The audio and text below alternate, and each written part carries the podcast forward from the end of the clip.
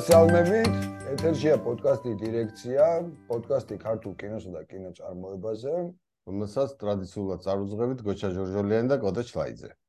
დღეს ჩვენი სტუმარია კინოდოკუმენტალისტი მარიამ ჭაჭია. მოგესალმებით მარიამ. სალამი, სალამი. მადლობა მოწვევისათვის. მარიამთან დაგვიგროვდა კითხვები და ძალიან საინტერესო პროექტი ფილმი გააკეთა მარიამმა. აუცილებლად შევეხებით ფილმს, ასევე შევეხებით მარიამის აქტიურობას საზოგადოებრივ საქმიანობაში კრეატიულ ევროპასთან დაკავშირებით და ასევე აუცილებლად ვისაუბრებთ კინოცენტრის მიერ სერიალების დაფინანსების შესახებ. რა ვიცი, ეგ ისეთი თემა არის, რომელზეც მოდი ვთქვათ, რომ ზოგადად ჩვენ სფეროში ისეთის გამოიწვია ბევრი საუბრობს ამ თემაზე, ზოგი მომხრეა, ზოგი ძინაამდეგია და რა ვიცი, გავხსნათ მე მგონი დისკუსია, რაღაცნაირად ეს დოკასერილი გახდა ტრიგერი იმისა, რომ თუნდაც დღეს ჩვენ მოვიწვიეთ ერთ-ერთი დოკას წარმოადგენელი მარიამი და რავი, მოდი მე მგონი მარიამ ამ თემით დავიწყოთ, იმიტომ რომ დამეთახმები რომ ცხელია და საინტერესოა დღეს დღეო. პირველ რიგში მე დავამატებდი რომ რატო დოკას განცხადება, იმიტომ რომ ინდივიდუალური განცხადებების გარდა ესე საჯარო ჯგუფური განცხადება მარტო დოკუმენტალისტებმა განაცხადეს და ამიტომ მიმართეთ ასოციაციას და ძალიან საინტერესო იქნება. პირადი მოსაზრებები და ასევე ასოციაციას ასაც გაგვიზიარებს მარიამი პირველ რიგში მინდა აღვნიშნო, რომ ძალიან კარგია გოჩა რომ აღვნიშნე, რომ რეალურად, ანუ ესე კოლექტიური განცხადება გამოვიდა ჩვენგან და ზუსტად ეგ იყო დოკას დაფუძნების იდეა, რომ ჩვენ ახლა ყოველთვის მithumetes დოკუმენტურ სფეროში ძალიან აქტიურები ვართ, ძალიან აქტიურები ვართ და მაგრამ თუმცა ყოველთვის რაღაცა ჩვენი ხმა იყო დაკარგული როგორც ინდივიდუალური რეჟისორების და ფილმეიკერების და ამ ასოციაციის იდეაც ეგ იყო რომ ჩვენ გავერთიანებულიყავით და საერთო ხმით გველაპარაკა თქვა სხვადასხვა ინსტიტუციებთან. რაც შეეხება ამ წერილს ანუ რეალურად დოკას პოზიცია ცნობილია თუმცა ეხლა ალბათ უფრო ვილაპარაკებ ჩემი პირადი პირადი პოზიციიდან უფრო მეტად რადგანაც ვფიქრობ რომ რადგან ჩვენ 50-ზე მეტი წევრი ყავს, უკეთესია, როდესაც ამაზე გავლილი გვაქვს და ეს ცოტა დიდი პასუხისმგებლობა პირდაპირ დოკას სახელით ვისაუბრო. თუმცა ბევრ რაღაცაში და მე მგონი უმეტეს რაღაცაში ჩემი ხმა და სხვა დოკუმენტალისტების ხმა გადაიკვეთება. და აღნიშნეთ კიდე თქვენ რომ არის რეალურად ბევრი ეთანხმება და ბევრი არ ეთანხმება ამ მას კონკურსს. აქ მთავარი ამ კონკურსში ის იყო რომ რა თქმა უნდა სერიალები ახლა ახალი ესე ნუ თქვა ახალი ახალი არა მაგრამ რაღაცა ერთ-ერთი ახალი ტრენდია და ძალიან საინტერესო არის და სერიალები მოიცავს ძალიან საინტერესო თქვა კინოს სახეს. ხო ნუ ძალიან საინტერესო სერიალები მაგრამ აქ სერიალების წინააღმდეგი არავინ არ არის. აქ რეალურად მთავარი არის კონკურსის ჩატარების ხერხი. აქ ეხლა მე კინოცენტრის კონკურსებში ვიღებ მონაწილეობას, არც ვიცი რომელი წლიდან და მინდა ვთქვა, რომ ალბათ უმეტეს კონკურსებში არ არ გამიმარჯვია ჩემი პროექტით. თუმცა არასოდეს არ მქონია იმის შეგრძნება, რომ რაღაცა გაყალბებული იყო ან არასწორად იყო ჩატარებული.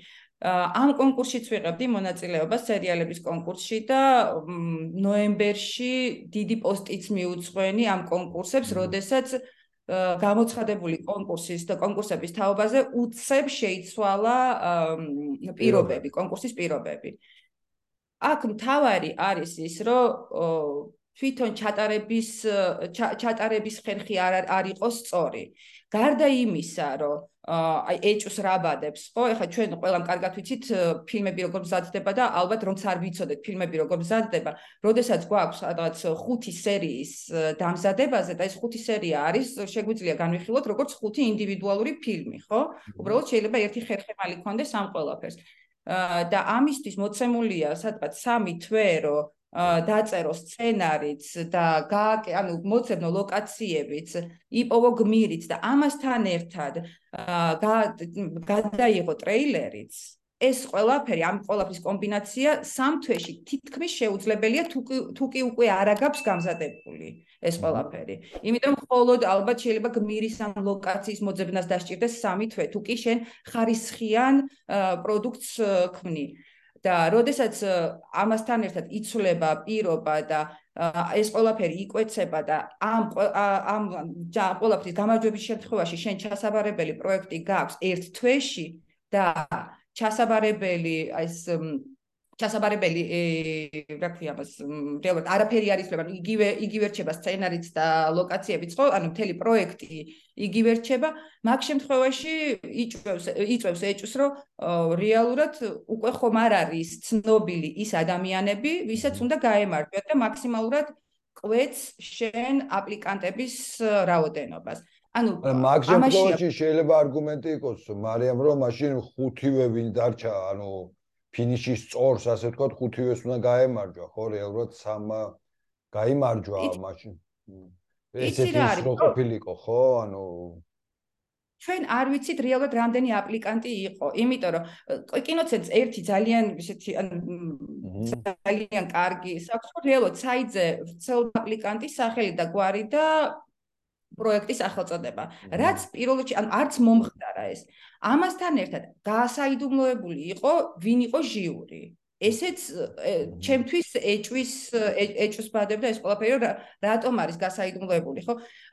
კინოცენტრი რა რომელ ეპოქაშიც და რომელი მთავრობა ანუ რომელი მართლობის ქვეშაც არ უნდა იყოს შეიძლება იმიტომ რომ ძალიან ვიწროა თვითონ კინემატოგრაფების ანუ ჯგუფი ყოველთვის მაინც ობიექტურია მიუხედავად იმისა რომ ძალიან ბევრი პრობლემები კინოცენტრთან და რაღაცა ხანდახან რაღაცა ნუ აი დამარცხებული ვთქვა კონკურსში ვერ გასული აპლიკანტები ანუ ფიქრობენ რომ შესაძლებელია რაღაცა მათი პროექტები დაიჩაგრა თქვა სხვადასხვა შეხედულებების გამო მაგრამ რეალურად აი ეს იმის რა ქვია ჟიურის არაგასაჯაროება და გასაიდუმლოება უკვე თვითონ აპლიკანტებისთვის მე მგონი ეჭვს ბადებს რომ რაღაც არ ხდება რაღაც მარიამ რა მაინტერესი ამ შემთხვევაში შენ გაქვს თვითონ ამ კონკურსთან პრეტენზია და არა მთლიანად იმიტომ რომ მე მახსოვს რომ ერთ-ერთ ბოლო კომისიაში შენც იყავი და იქ არ ვიცი მე მგონი ჩვეულებრივად ნორმალურად ჩატარდა ხო პროცესები არ ვიცი.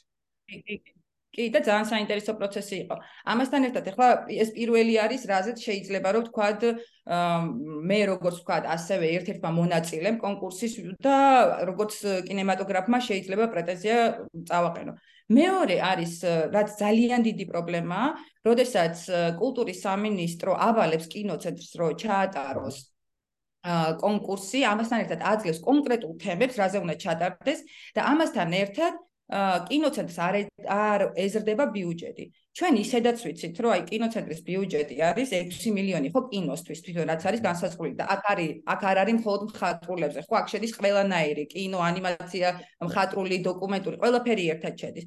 რაც არის რეალურად აი მიზერული თანხა რაღაცის გასაკეთებლად, როდესაც ქართული კინო მართლა ძალიან მაღალ მაღალ ეტაპ ლეველზეა. მაგრამ არა მოდი მაგ ცოტა იმას ვქრათ, ანუ რო არ ესდება ეს დარწმუნებით ხმა არ შეიძლება, ხო? იმიტომ რომ ეს პროცესი, ეს გადაღებები შეიძლება მომოაწესაც გადავა ალბათ და არავინ არ ვიცით მომოაწეს შეიძლება გაიგზავნოს. აი მე გავაგზავნებ ბოჩას ასე რომ წარმოუდგენლად მიმაჩნია, მიუხედავად მე დაგეთახვები რომ ეს ჩაკეტილად ხდება ბევრად უფრო აი ამ სერიალების გარშემო პროცესები ჩაკეტილად მიმდინარეობს ვიდრე ჩაულებრივად ხდება ხოლმე და იცი მე შიგნით ვარ იქ, მაგრამ მაინც ძალიან ჩაკეტილია და ინფორმაცია ჩემ და ჩემ წარმოსულა. და იმის თქმა მინდა რომ იქნებ და მოდი ოპტიმისტური თვალით შევხედოთ რომ ეს რაღაცა ტრიგერი გახდეს ზოგადად ბიუჯეტის ზრდისაც არა მარტო მე ხო გეუბნები ეს არის მხოლოდ ვარაუდი და ოპტი ძალიან ოპტიმისტური ვარაუდი ამ შემთხვევაში. მე მგონი ძალიან ოპტიმისტურად უყურებ და ცოტა ერთი რაღაცა გვავიწყდება. ის რომ ეხლა თქვა 3 მილიონი გადაეცა ამ რა ქვია სერიალების დაფინანსებას სხვა კონკურსები დარჩა ჰაერში. ეს არის ფაქტი. ანუ რეალურად ჩვენ აღარ ყოფნის იმისი ბიუჯეტი, რომ რეალურად კინოცენტრს რაც რაც უნდა კინოცენტრმა რაც უნდა გამოაცხადოს, იმისთვის ბიუჯეტი აღარ აღარ აქვს.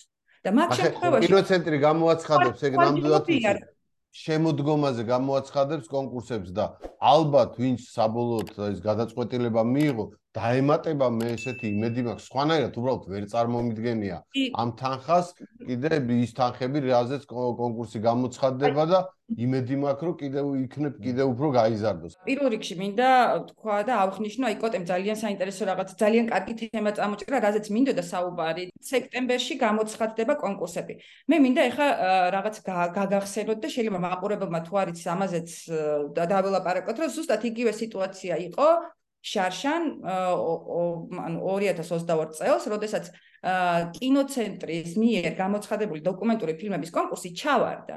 რეალურად კინოცენტრმა გამოაცხადა სექტემბერში თუ აგვისტოში დოკუმენტური პროექტების მიღება, თუმცა დაფინანსება აქედან გამომდინარე რატომღაც ძალიან გაიწელა, იმიტომ რომ ესეთი გაწელილი არ მე საერთოდ ისტორიაში არ მახსოვს, რაც მიიღია მონაწილეობა კონკურსში. გაიწელა მარტამდე და დაფინანსება გადავიდა შემდეგ წელს. თლიანი წელი ჩავარდა. ჩვენი ანუ კინოინდუსტრიისთვის ისედაც სადაც არის ჩვენ თლიანად ხო ვერ ვაფინანსებთ ჩვენ ფილმებს ხო უმეტესი წილი დაფინანსების მოდის უცხოეთიდან. ერთი წლის კონკურსის ჩაგდება ძალიან ანუ ძალიან დიდ პრობლემას უქმნის მე ჩვენ კინოინდუსტრიას. იგივე არის ჩვენ მე მაგალითად ვფიქრობ რომ სექტემბერში კი გამოცხადდება და ჩვენ შეიძლება ვთქვათ რომ არ ჩავარდა წელი გამოცხადდა მაგრამ რატო ჩავარდება? იცით რომ იმიტომ რეალურად დაფინანსება გადავა არა იქნება არა 2023-ში არამედ 2024-ში გადავა დაფინანსებები. რაც გვაძლევს იმის საშიშროებას რომ ისევ ერთი წელი ჩავარდება სხვადასხვა კონკურსების. ეს არის პრობლემა თორე გამოცხადება არა როდის ვაფინანსებთ როდის ექნება კინოცენტრის იმის საშუალება რომ შემდგომში გასცეს თანხები. ეხლა ჩვენ ახლა ძალიან მარტივია. 3 მილიონი თუ კი რაღაცა მარტივი არითმეტიკა არის მე მგონი. 3 მილიონი თუ კი გადაეცევა სერიალებს და რაღაცა ეხლა რომ დავითვალოთ რამდენი არის უკვე გაცემული მოგებულ კონკურსებში ხო თქვა ჩაშანდელ ჩაშანდელ გამოცხადებულში ბიუჯეტი აღარ არის. მაგაში დაკვილი გაქვთ ეს მარიამ თუ ის არა მე რა არა, მე ახლა ისევ ვარ, მაგრამ თუმცა ის ძალიან მარტივი დასათვლელია და ვიცით კიდევაც რა კონკურსები უნდა გამოცხადდეს. ერთი კიდე ძალიან მნიშვნელოვანი ფაქტორია, როდესაც ეს ძირითადად უფრო მხატვრულებს ეხება, თუმცა ახლა რამოდენიმე დოკუმენტურსაც შეეხო, როდესაც საქართველოს ვერ ხდება თავარი პროდიუსერი, majority producer-ი. იქიდან გამომდინარე, რომ საბოლოო ჯამში ითვლება თანხების მიხედვით, რომელ ქვეყანას რამდენი აქვს შენატანი ფილმში.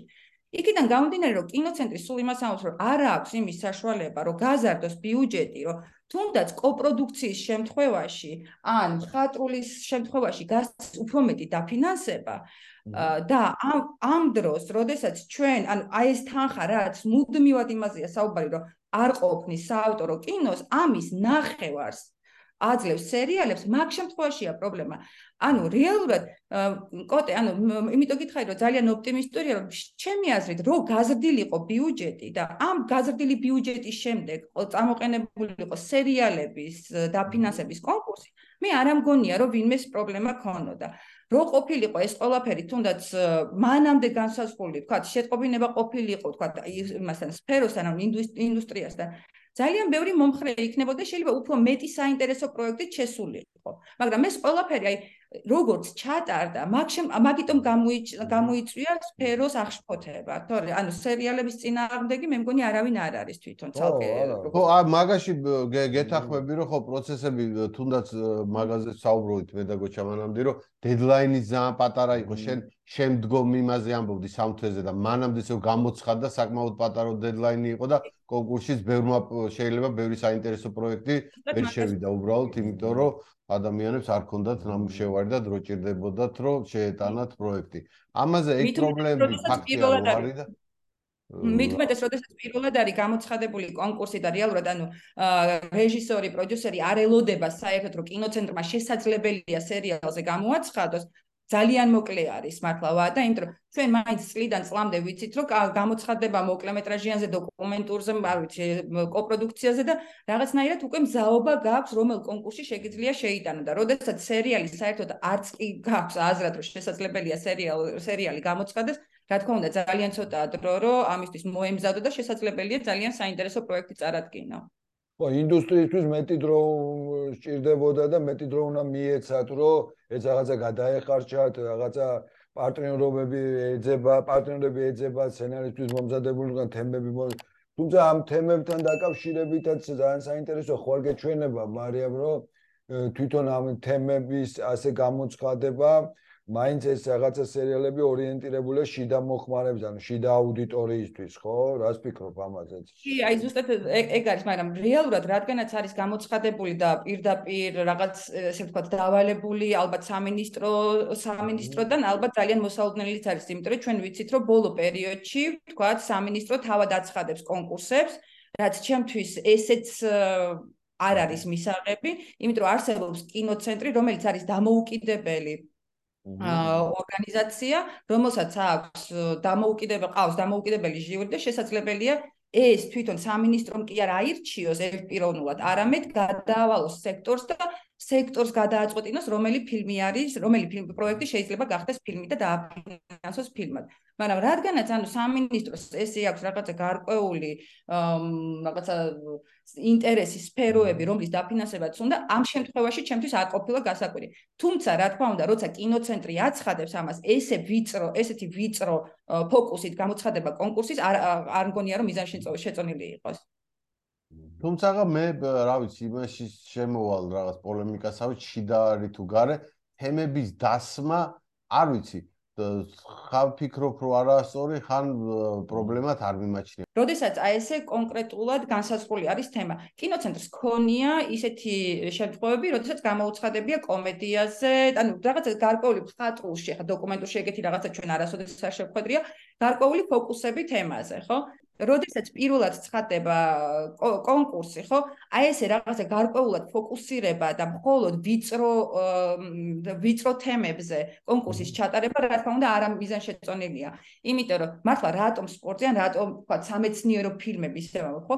რატომ არ შეიძლება რომ მე მე მქონდეს რაღაცა გარკვეული შეიძლება ისეთი კარგი იდეა მაქვს, რომელიც სერიალს სერიალის ფორმატში ჯდება, თუმცა ანუ ეს ფოკუსი ფოკუსი არ ჯდება.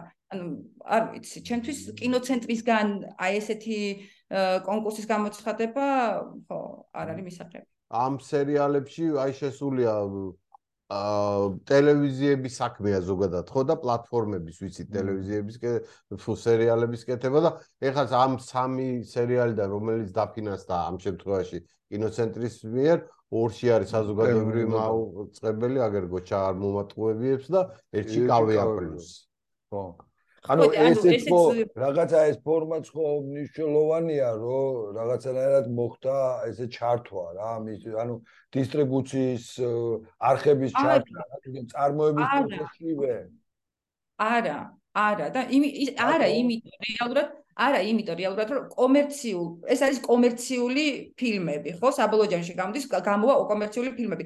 კომერციული ფილმები არ უნდა დაფინანსდეს კინოცენტრის მიერ და მეორეს ერთი ხა ეს ცოტა იგივე არის, რაც აი კოტემ რაღაცა თავისი ოპტიმიზმის რო თქვა, რომ იქნებ ჯერ დავაფინანსე და მერე გაგვიზარდო ბიუჯეტიო. ხო არ აპირებს თქვენ რომ რაღაცა შეხვედრა გააკეთოთ ან თქვენი ან კიდე სხვა არა მარტო თქვენი წევრებისთვის რომ რაღაცა ეს დაგროვილი რაღაცა შეიძლება პრობლემები ან პირიქით რაღაცა განხილვა მოხდეს ამის იმიტომ რაღაცა სიჩუმე აშკარად და მე ადრეც ვეუნებოდი გოჩას რომ სულ ყველა დირექტორის და ყველა დროს რაღაცნაირად იყო ხოლმე ხან ვიღაცა შიმშილობდა ხან ვიღაცა რავი რა აღარ ხდებოდა და ეხა ისეთი სიჩუმეა რომ რა ვიცი მეტი არ შეიძლება და აი რატო არის მეტა ეგრე და რა ხდება ხო არის კი აი და ეს ხო ცოტა ცოტა ისიც არის რა გულსატკენიც არის რომ მართლა რაღაცა ყველაზე აქტიური სფერო რომელიც უნდა იყოს რაღაცნაირად შეგუა და დანებდა თითქოს მაგრამ ნუ მთლად ესეც არ არის იმიტომ ეხა ჩვენ ხო რაღაცა გარკვეული სოციალური ჯგუფებიც გვაქვს დახურული სადაც ვიხილავთ და ეს ყველაფერი გროვდება და ალბათ ერთ დღეს ამოხეთქავს მე ყველაფერი მაგრამ რაც შეეხება ეხა შეხვედრებს ესე და დაგეგმილი კონკრეტულად რა აი კონკრეტული თემის სასაუბროდ არა, მაგრამ ანუ დოკა არის მნიშვნელოვანი არა მარტო იმიტომ რომ თქვა პროტესტი გამო თქვა ერთმანეთსადმი. ეს დოკას ფუნქცია ასევე არის ის რომ ჩვენ გაუზიაროთ ერთმანეთს ეს გამოცდილებაც ცოდნაც და განვავითაროთ და გავაძლიეროთ ჩვენი ამ დოკუმენტური სფერო. ანუ აქედან გამომდინარე დოკას ერთ-ერთი პროექტი რომელიც ანუ სავარაუდოდ შემდეგ თვეს ივნისში დაიწყება, ეს არის პირისპირ სადაც დოკელები, ესე დოკას წევრები და არა მარტო დოკას წევრებს შეიძლება დასწრება და გარკვეულ თემებზე ვისაუბრებთ. ეს იქნება, ოღონდ ეს თემები იქნება კონკრეტულად დოკუმენტური ფილმისთვის, ფილმის განსავითარებლად. მაგალითად, არ ვიცი, იურიდიულ საკითხებზე, ფინანსურ საკითხებზე და გვეყოველუება მოწვეული სხვადასხვა სპიკერები და გაუზიარებთ ცოდნას ერთმანეთს. ხო და აი მოდი აქვე ბარემ გადავიდეთ შემდეგ თემაზე. რასაც შეეხება, ეხა შენ ახსენე თქვა იგივე უცხოელები და საზღვარგარეთი და ძალიან მნიშვნელოვანი თემა არის ესეთი ჩვენი წინა პოდკასტის თემა იყო ჩვენ ჩავწერეთ დიანა მაღლაკელიძე კრეატიული ევროპის ამ შემოქმედებითი ევროპის საქართველოს საქართველოს დესტის წარმომადგენელი რომელიც ზოგადად რაღაცა საფრთხე სავით ჩანს ეხლა ამ შემოქმედებითი ევროპის ხრივ და მე ვიცი რომ შენ აქტიურად იყავი ჩართული ამ ამბავში რომ ასევე გაკეთდა და რაც კარგია წერილი და საკმაოდ ბევრ შემოქმედმა ადამიანმა მოაწერა მას ხელი და რა ხდება აი ამ წერილის გარშემო და რამე რეაგირება მოყვა თუ არა. როდესაც პარლამენტში შევიტანა ეს წერილი, იმავე დღეს დამიკავშირდა იურიდიული კომიტეტიდან ერთ-ერთი ადამიანი და მითხრა რომ ანუ დაიწყებენ ამის განხილვას და დაიწყება ამაზე მუშაობა. ყოველ რა თქმა უნდა, ნუ ოფიციალური პასუხი მომსვლია, თუმცა არ მომსვლია, მაგრამ გუშინ წინ ჩამოვედი მეც თბილისში და გუშინ დავიწყე ისევ ამ ამ ამბის მოკითხვა, ნუ რამდენად წაიწია წინ და ძალიან ოპტიმისტურად ვარ.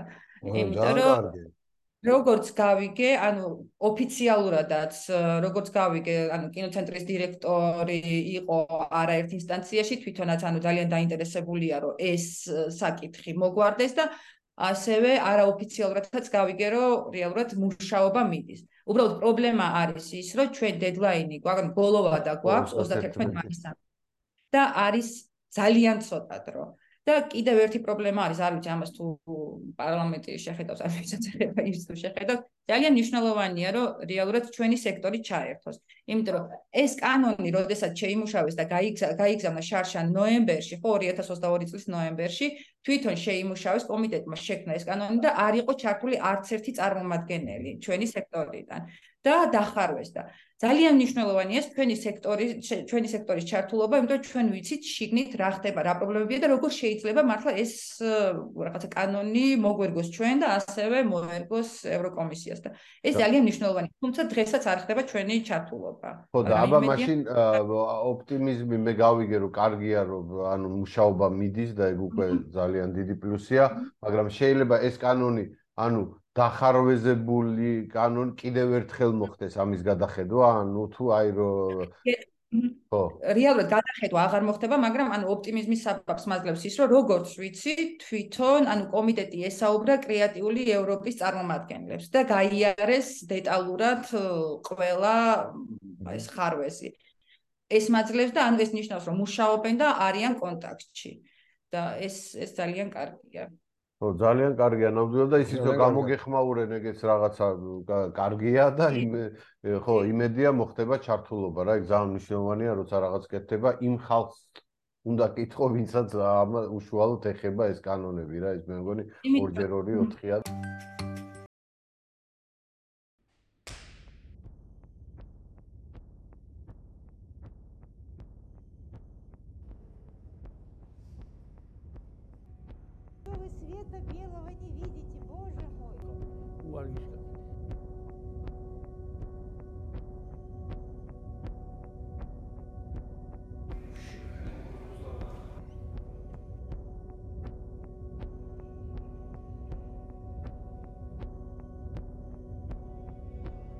გადავიდეთ თავარ საკითხზე.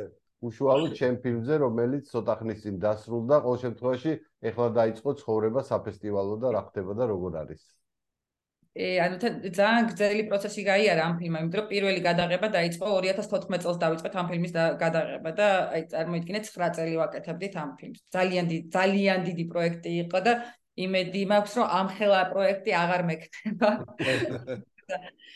მარიამ იცი რა მინდოდა მეკითხა რომ და თან ვიცი ასე ვთქვათ ეს პროექტი და ვიცი შენთვის რამდენს ნიშნავს. აი ამდენ მაღლა 9 წელია მოდის 10 წელი უკვე თითქმის და თვითონ გადაღების პროცესში ხوار შეგეცვალა თვითონ რაღაც იდეა და მიმართულება ამ პროექტის რას ფიქრობ ამაზე? და ძალიან კაი კითხვაა და მადლობა. და ალბათ დოკუმენტურში ყოველთვის იცვლება თუმცა აქ ანუ დოკუმენტურში როგორ ანუ ღერძი რჩება და მე შეიძლება გმირებით შეიცვალო მაგრამ ამ ფილმში რეალურად მე მგონი რომ ღერძით შეიცვალა და ესე ვთქვათ სათქმელით შეიცვალა. იმიტომ რომ ეს ფილმი რო დავიწყე მე თვითონაც ყოფილი ტუბ პაციენტი ვარ და ეს იყო რეალურად ჩემთვის აი ჩემი თავის გამოვლინება და იმ ტუბ სოციუმის გამოვლენა. თუმცა მე დავამთავრეთ ეს ფილმი. ფრანგმა მემონტაჟებ დაგვიმთავრა ეს ფილმი და მე გავიგეთ რომ შენობა გაიყიდება და რაღაცა მოხდება და თუმცა და გავაგზავნეთ ეს გადაღებები. ეხლა, როდესაც ფილმი დასრულებულია, ჩემთვის ეს ფილმი ალბათ უფრო მეხსიერებაზე, ალბათ არა, ეს არის მეხსიერებაზე და აა მიუხედავად იმისა, რომ ალბათ დიდი აქცენტი არის ამ დახურულ ინსტიტუციაზე, რაც არის აბასთუმნის ტუბ, რაც იყო აბასთუმნის ტუბ სანატორიუმი, აა ეს არის ალბათ ჩვენ იმ ისტორიაზე, რისი შენარჩუნებაც გჭირდება. სამწუხაროდ და ამასთან ერთად საბედნიეროდ აა ჯადოსნური მთა იქნება ალბათ ერთადერთი მე რაღაცა ფილმი ან რაღაც მასალა ნამუშევარი რაც შეინარჩუნებს ამ ისტორიის ამ შენობის ისტორიას რაც ძალიან მნიშვნელოვანი ისტორიული ნაწილი ნაწილი იყო ჩვენ საქართველოსთვის. და ხო ანუ ეს ეს არის ალბათ ისტორიაზე. თან ჩვენ რაღაცნაირად მაინც ვცდილობთ რომ გავექცეთ ჩვენს ისტორიას რაღაცა თვალები დავხუჭეთ დავხუჭოთ თუმცა ახლა საბჭოთა ისტორია კი ეს საბჭოთა წარსული იყო кошмари ჩვენთვის მაგრამ იმას იმისთვის თვალის გასწორება რომ ეს თქვა ჩვენი ნაწილია ალბათ იმის საშუალებასაც მოგცემთ რომ წინ წავიდეთ თუმცა რაღაცნაირად ისე ვახერხებთ რომ ყველაფერი დავივიწყოთ და ამიტომაც შემდგომში ერთი და იგივე წრეზე ვტრიალებთ ფილმის ფუნქცია ეს არის, რომ რაღაცა მომავალ თაობას უნარჩუნებთ ამ ამ ამ ისტორიულ ან რაღაცა მასალას, ხო, რაღაცა მეხსიერებას უნარჩუნებთ, მაგრამ ეს ფილმი ალბათ ძალიან ძალიან გამიხარდება თუ იმოგზაურებს რეგიონებში და ვისაუბრებთ იმაზე, როგორ ვანადგურებთ, თქვა ჩვენს მომავალს რაღაცა კულტურულ მემკვიდრეობის ძეგლებს და ვრჩებით აბსოლუტურად ისტორიის გარეშე. იმიტომ ხა ჩვენ კარგად ვიცით, რომ მithumetes საბჭოთა წარსული და რომ ისტორიის გადაწერა ძალიან მარტივია, როდესაც არა გაქვს არანაირი ფაქტი არ გიჭირავს ხელში. როგორც ანუ საბჭოთა დროს ძალიან მარტივად იწერებოდა ისტორია მართველის მიერ. და ეს ყოველივე, ანუ ეს რაღაც გარკვეული კულტურული მემკვიდრეობის ძეგლები და ეს შენობები მატარებელია იმ ფაქტის, რაც მართლა იყო არც თუ ისე შორეულ წარსულში. ამათი შენარჩუნება ალბათ ჩვენი ფუნქცია არის, იმიტომ რომ ჩვენ ვანგრევს, ჩვენ არ ვეწინააღმდეგებით ამას და ჩვენ ვაძლევთ იმის უფლებას, რომ ეს ყველაფერი განადგურდეს. ალბათ ამაზე საუბარი ძალიან მნიშვნელოვანი იქნება ფილმის შემდეგ და არა მარტო თქვა ამ მეხსიერების შენარჩუნება. იმიტომ რომ მეხსიერებას შეუნარჩუნებთ და საბოლოო ჯამში შეიძლება მომავალი თაობის გამოვიდეს ისე რომ არაფერი აღარ დარჩეთ მათ და მხოლოდ ეს მითები დაგრჩეს, არ ვიცი, ამ იმაზე რა შენობებზე და ადგილებზე და კულტურულ მემკვიდრეობის ძეგლებზე. მოდი ხო ამ ფილმზე რთულია ახლა ალბათ ჩვენი მაყურებლისთვის ჩვენ ნახეთ ფილმი გუშინ და მადლობა ამისთვის რომ მოგვეცა ამის საშუალება და მეც დავეთახმები გოჩას ჩვენ მაგაზე ვისაუბრეთ რომ ნამდვილად ახლა ნებისმიერ მაყურებელს ეგ გაუჩნდება ეგ ზნობა რომ ჩვენ შეგეცვალა დრამატურგია იმიტომ რომ ბოლოში თავარი ფაქტიურად ჩვენი პროტაგონისტი ბოლოში ქრება. მან თავარი არის ალბათ ხო მაინც ადამიანებზე უფრო მნიშვნელოვანი მათ შენობა წამოიწია წინ საბოლოო ჩემ ფილმში და ეგრეც თავიდანვე მას მიმართავ ეგრევე იწება. თულია ხო კიდევ ერთხელ მაგას ვიტყვი ხა მე შევედი გახილვაში ამ ფილმის და ჩვენ ყურებელს შტაბეშტილებს გეშ ხო რთული იქნება ახლა ესე იმის მოსმენა როდესაც ფილმი არ აქვს ნახი და ამიტომ მაგას კითხავ რომ როდი შეიძლება თქვა მაყურებელმა ნახოს საქართველოს ეს ფილმი რავი, ძალიან დიდი იმედი მაქვს, რომ წელს სინედოკი იქნება და სინედოქზე იქნება ამ ფილმის პრემიერა. ძალიან კარგი. ფესტივალებზეც გითხარი, გეგმები რა საპირებს. კი, ხო და ანუ ამას რო ვაკეთებდით, რადგან ჩემი პირადი ისტორია ცოტა ნერვიულობდი, რომ ძალიან ლოკალური ისტორია არ ყოფილიყო და არ ჩავკეტილიყავით ამ რაღაც აი მართლა ქართული ფილმი, რომელიც გაუგებარი იქნებოდა, რა ვიცი, უცხოელი მაყურებლისთვის და პირველი დიდი გამოხმაურება იყო შანხაიდან. რომელთაც უნდათ მსოფლიო პრემიერა. თუმცა ანუ რაღაცა იქ კიდე სახელმწიფო ცენზურა უნდა გაევლო და ასე შემდეგ ვეღარ დაველოდეთ, თუმცა შანხაიშიც მივდივართ, ანუ ჯერ ზეგ მიუფრინავ ბარსელონაში, დოკ ბარსელონაზე, მერე შანხაიში და კიდე რამოდენიმე ფესტივალია, რომელსაც ვერ გავაჟღარე ჟღერებ, იმიტომ რომ არ მაქვს ამისი უფლება, მაგრამ მე მგონი ძალიან საინტერესო მომავალი ელოდება. და დღეს დილით მივიღეთ ძალიან საინტერესო წერილი ტაივანელი მაყურებლისგან, რომელმაც დოკ მიუნხენში ნახა ეს ფილმი და რომელიც წერს რომ უბრალოდ მაყურებელია და რომელმაც ძალიან ბევრი რაღაცა ძალიან ბევრი საინტერესო ნახა ამ ფილმში და აუცილებლად დაელაპარაკება აივანის ფესტივალებს, რომ იქნებ იქაც ჩავიტაროთ. ანუ ეს ფილმი არ გამოვიდა მთლად ლოკალური, რაც ძალიან מחარებს. ძალიან კარგი. აბა ძალიან დიდი მადლობა. წარმატებები შენ ფილმს, წარმატებები შენ, წარმატებები დოკას და რავის. მოდენ ძალიან გულშემატკივრობთ, რა თქმა უნდა, პირადად შენ და თვითონ დოკასაც, ანუ როგორც გაერთიანებას, იმიტომ რომ მნიშვნელოვანია ესეთი გაერთიანებები ჩვენ სფეროში და ჩვენ ქვეყანაში ზოგადად. აბა დროებით ჩვენ მსმენელს მაყურებელს შევახსენებთ რომ ჩვენი სტუმარი იყო კინოდოკუმენტალისტი მარიამ ჭაჭია ძალიან დიდი მადლობა ნახვამდის. კარგად მადლობა. მარიამ ბედნიერად. ბედნიერად. მადლობა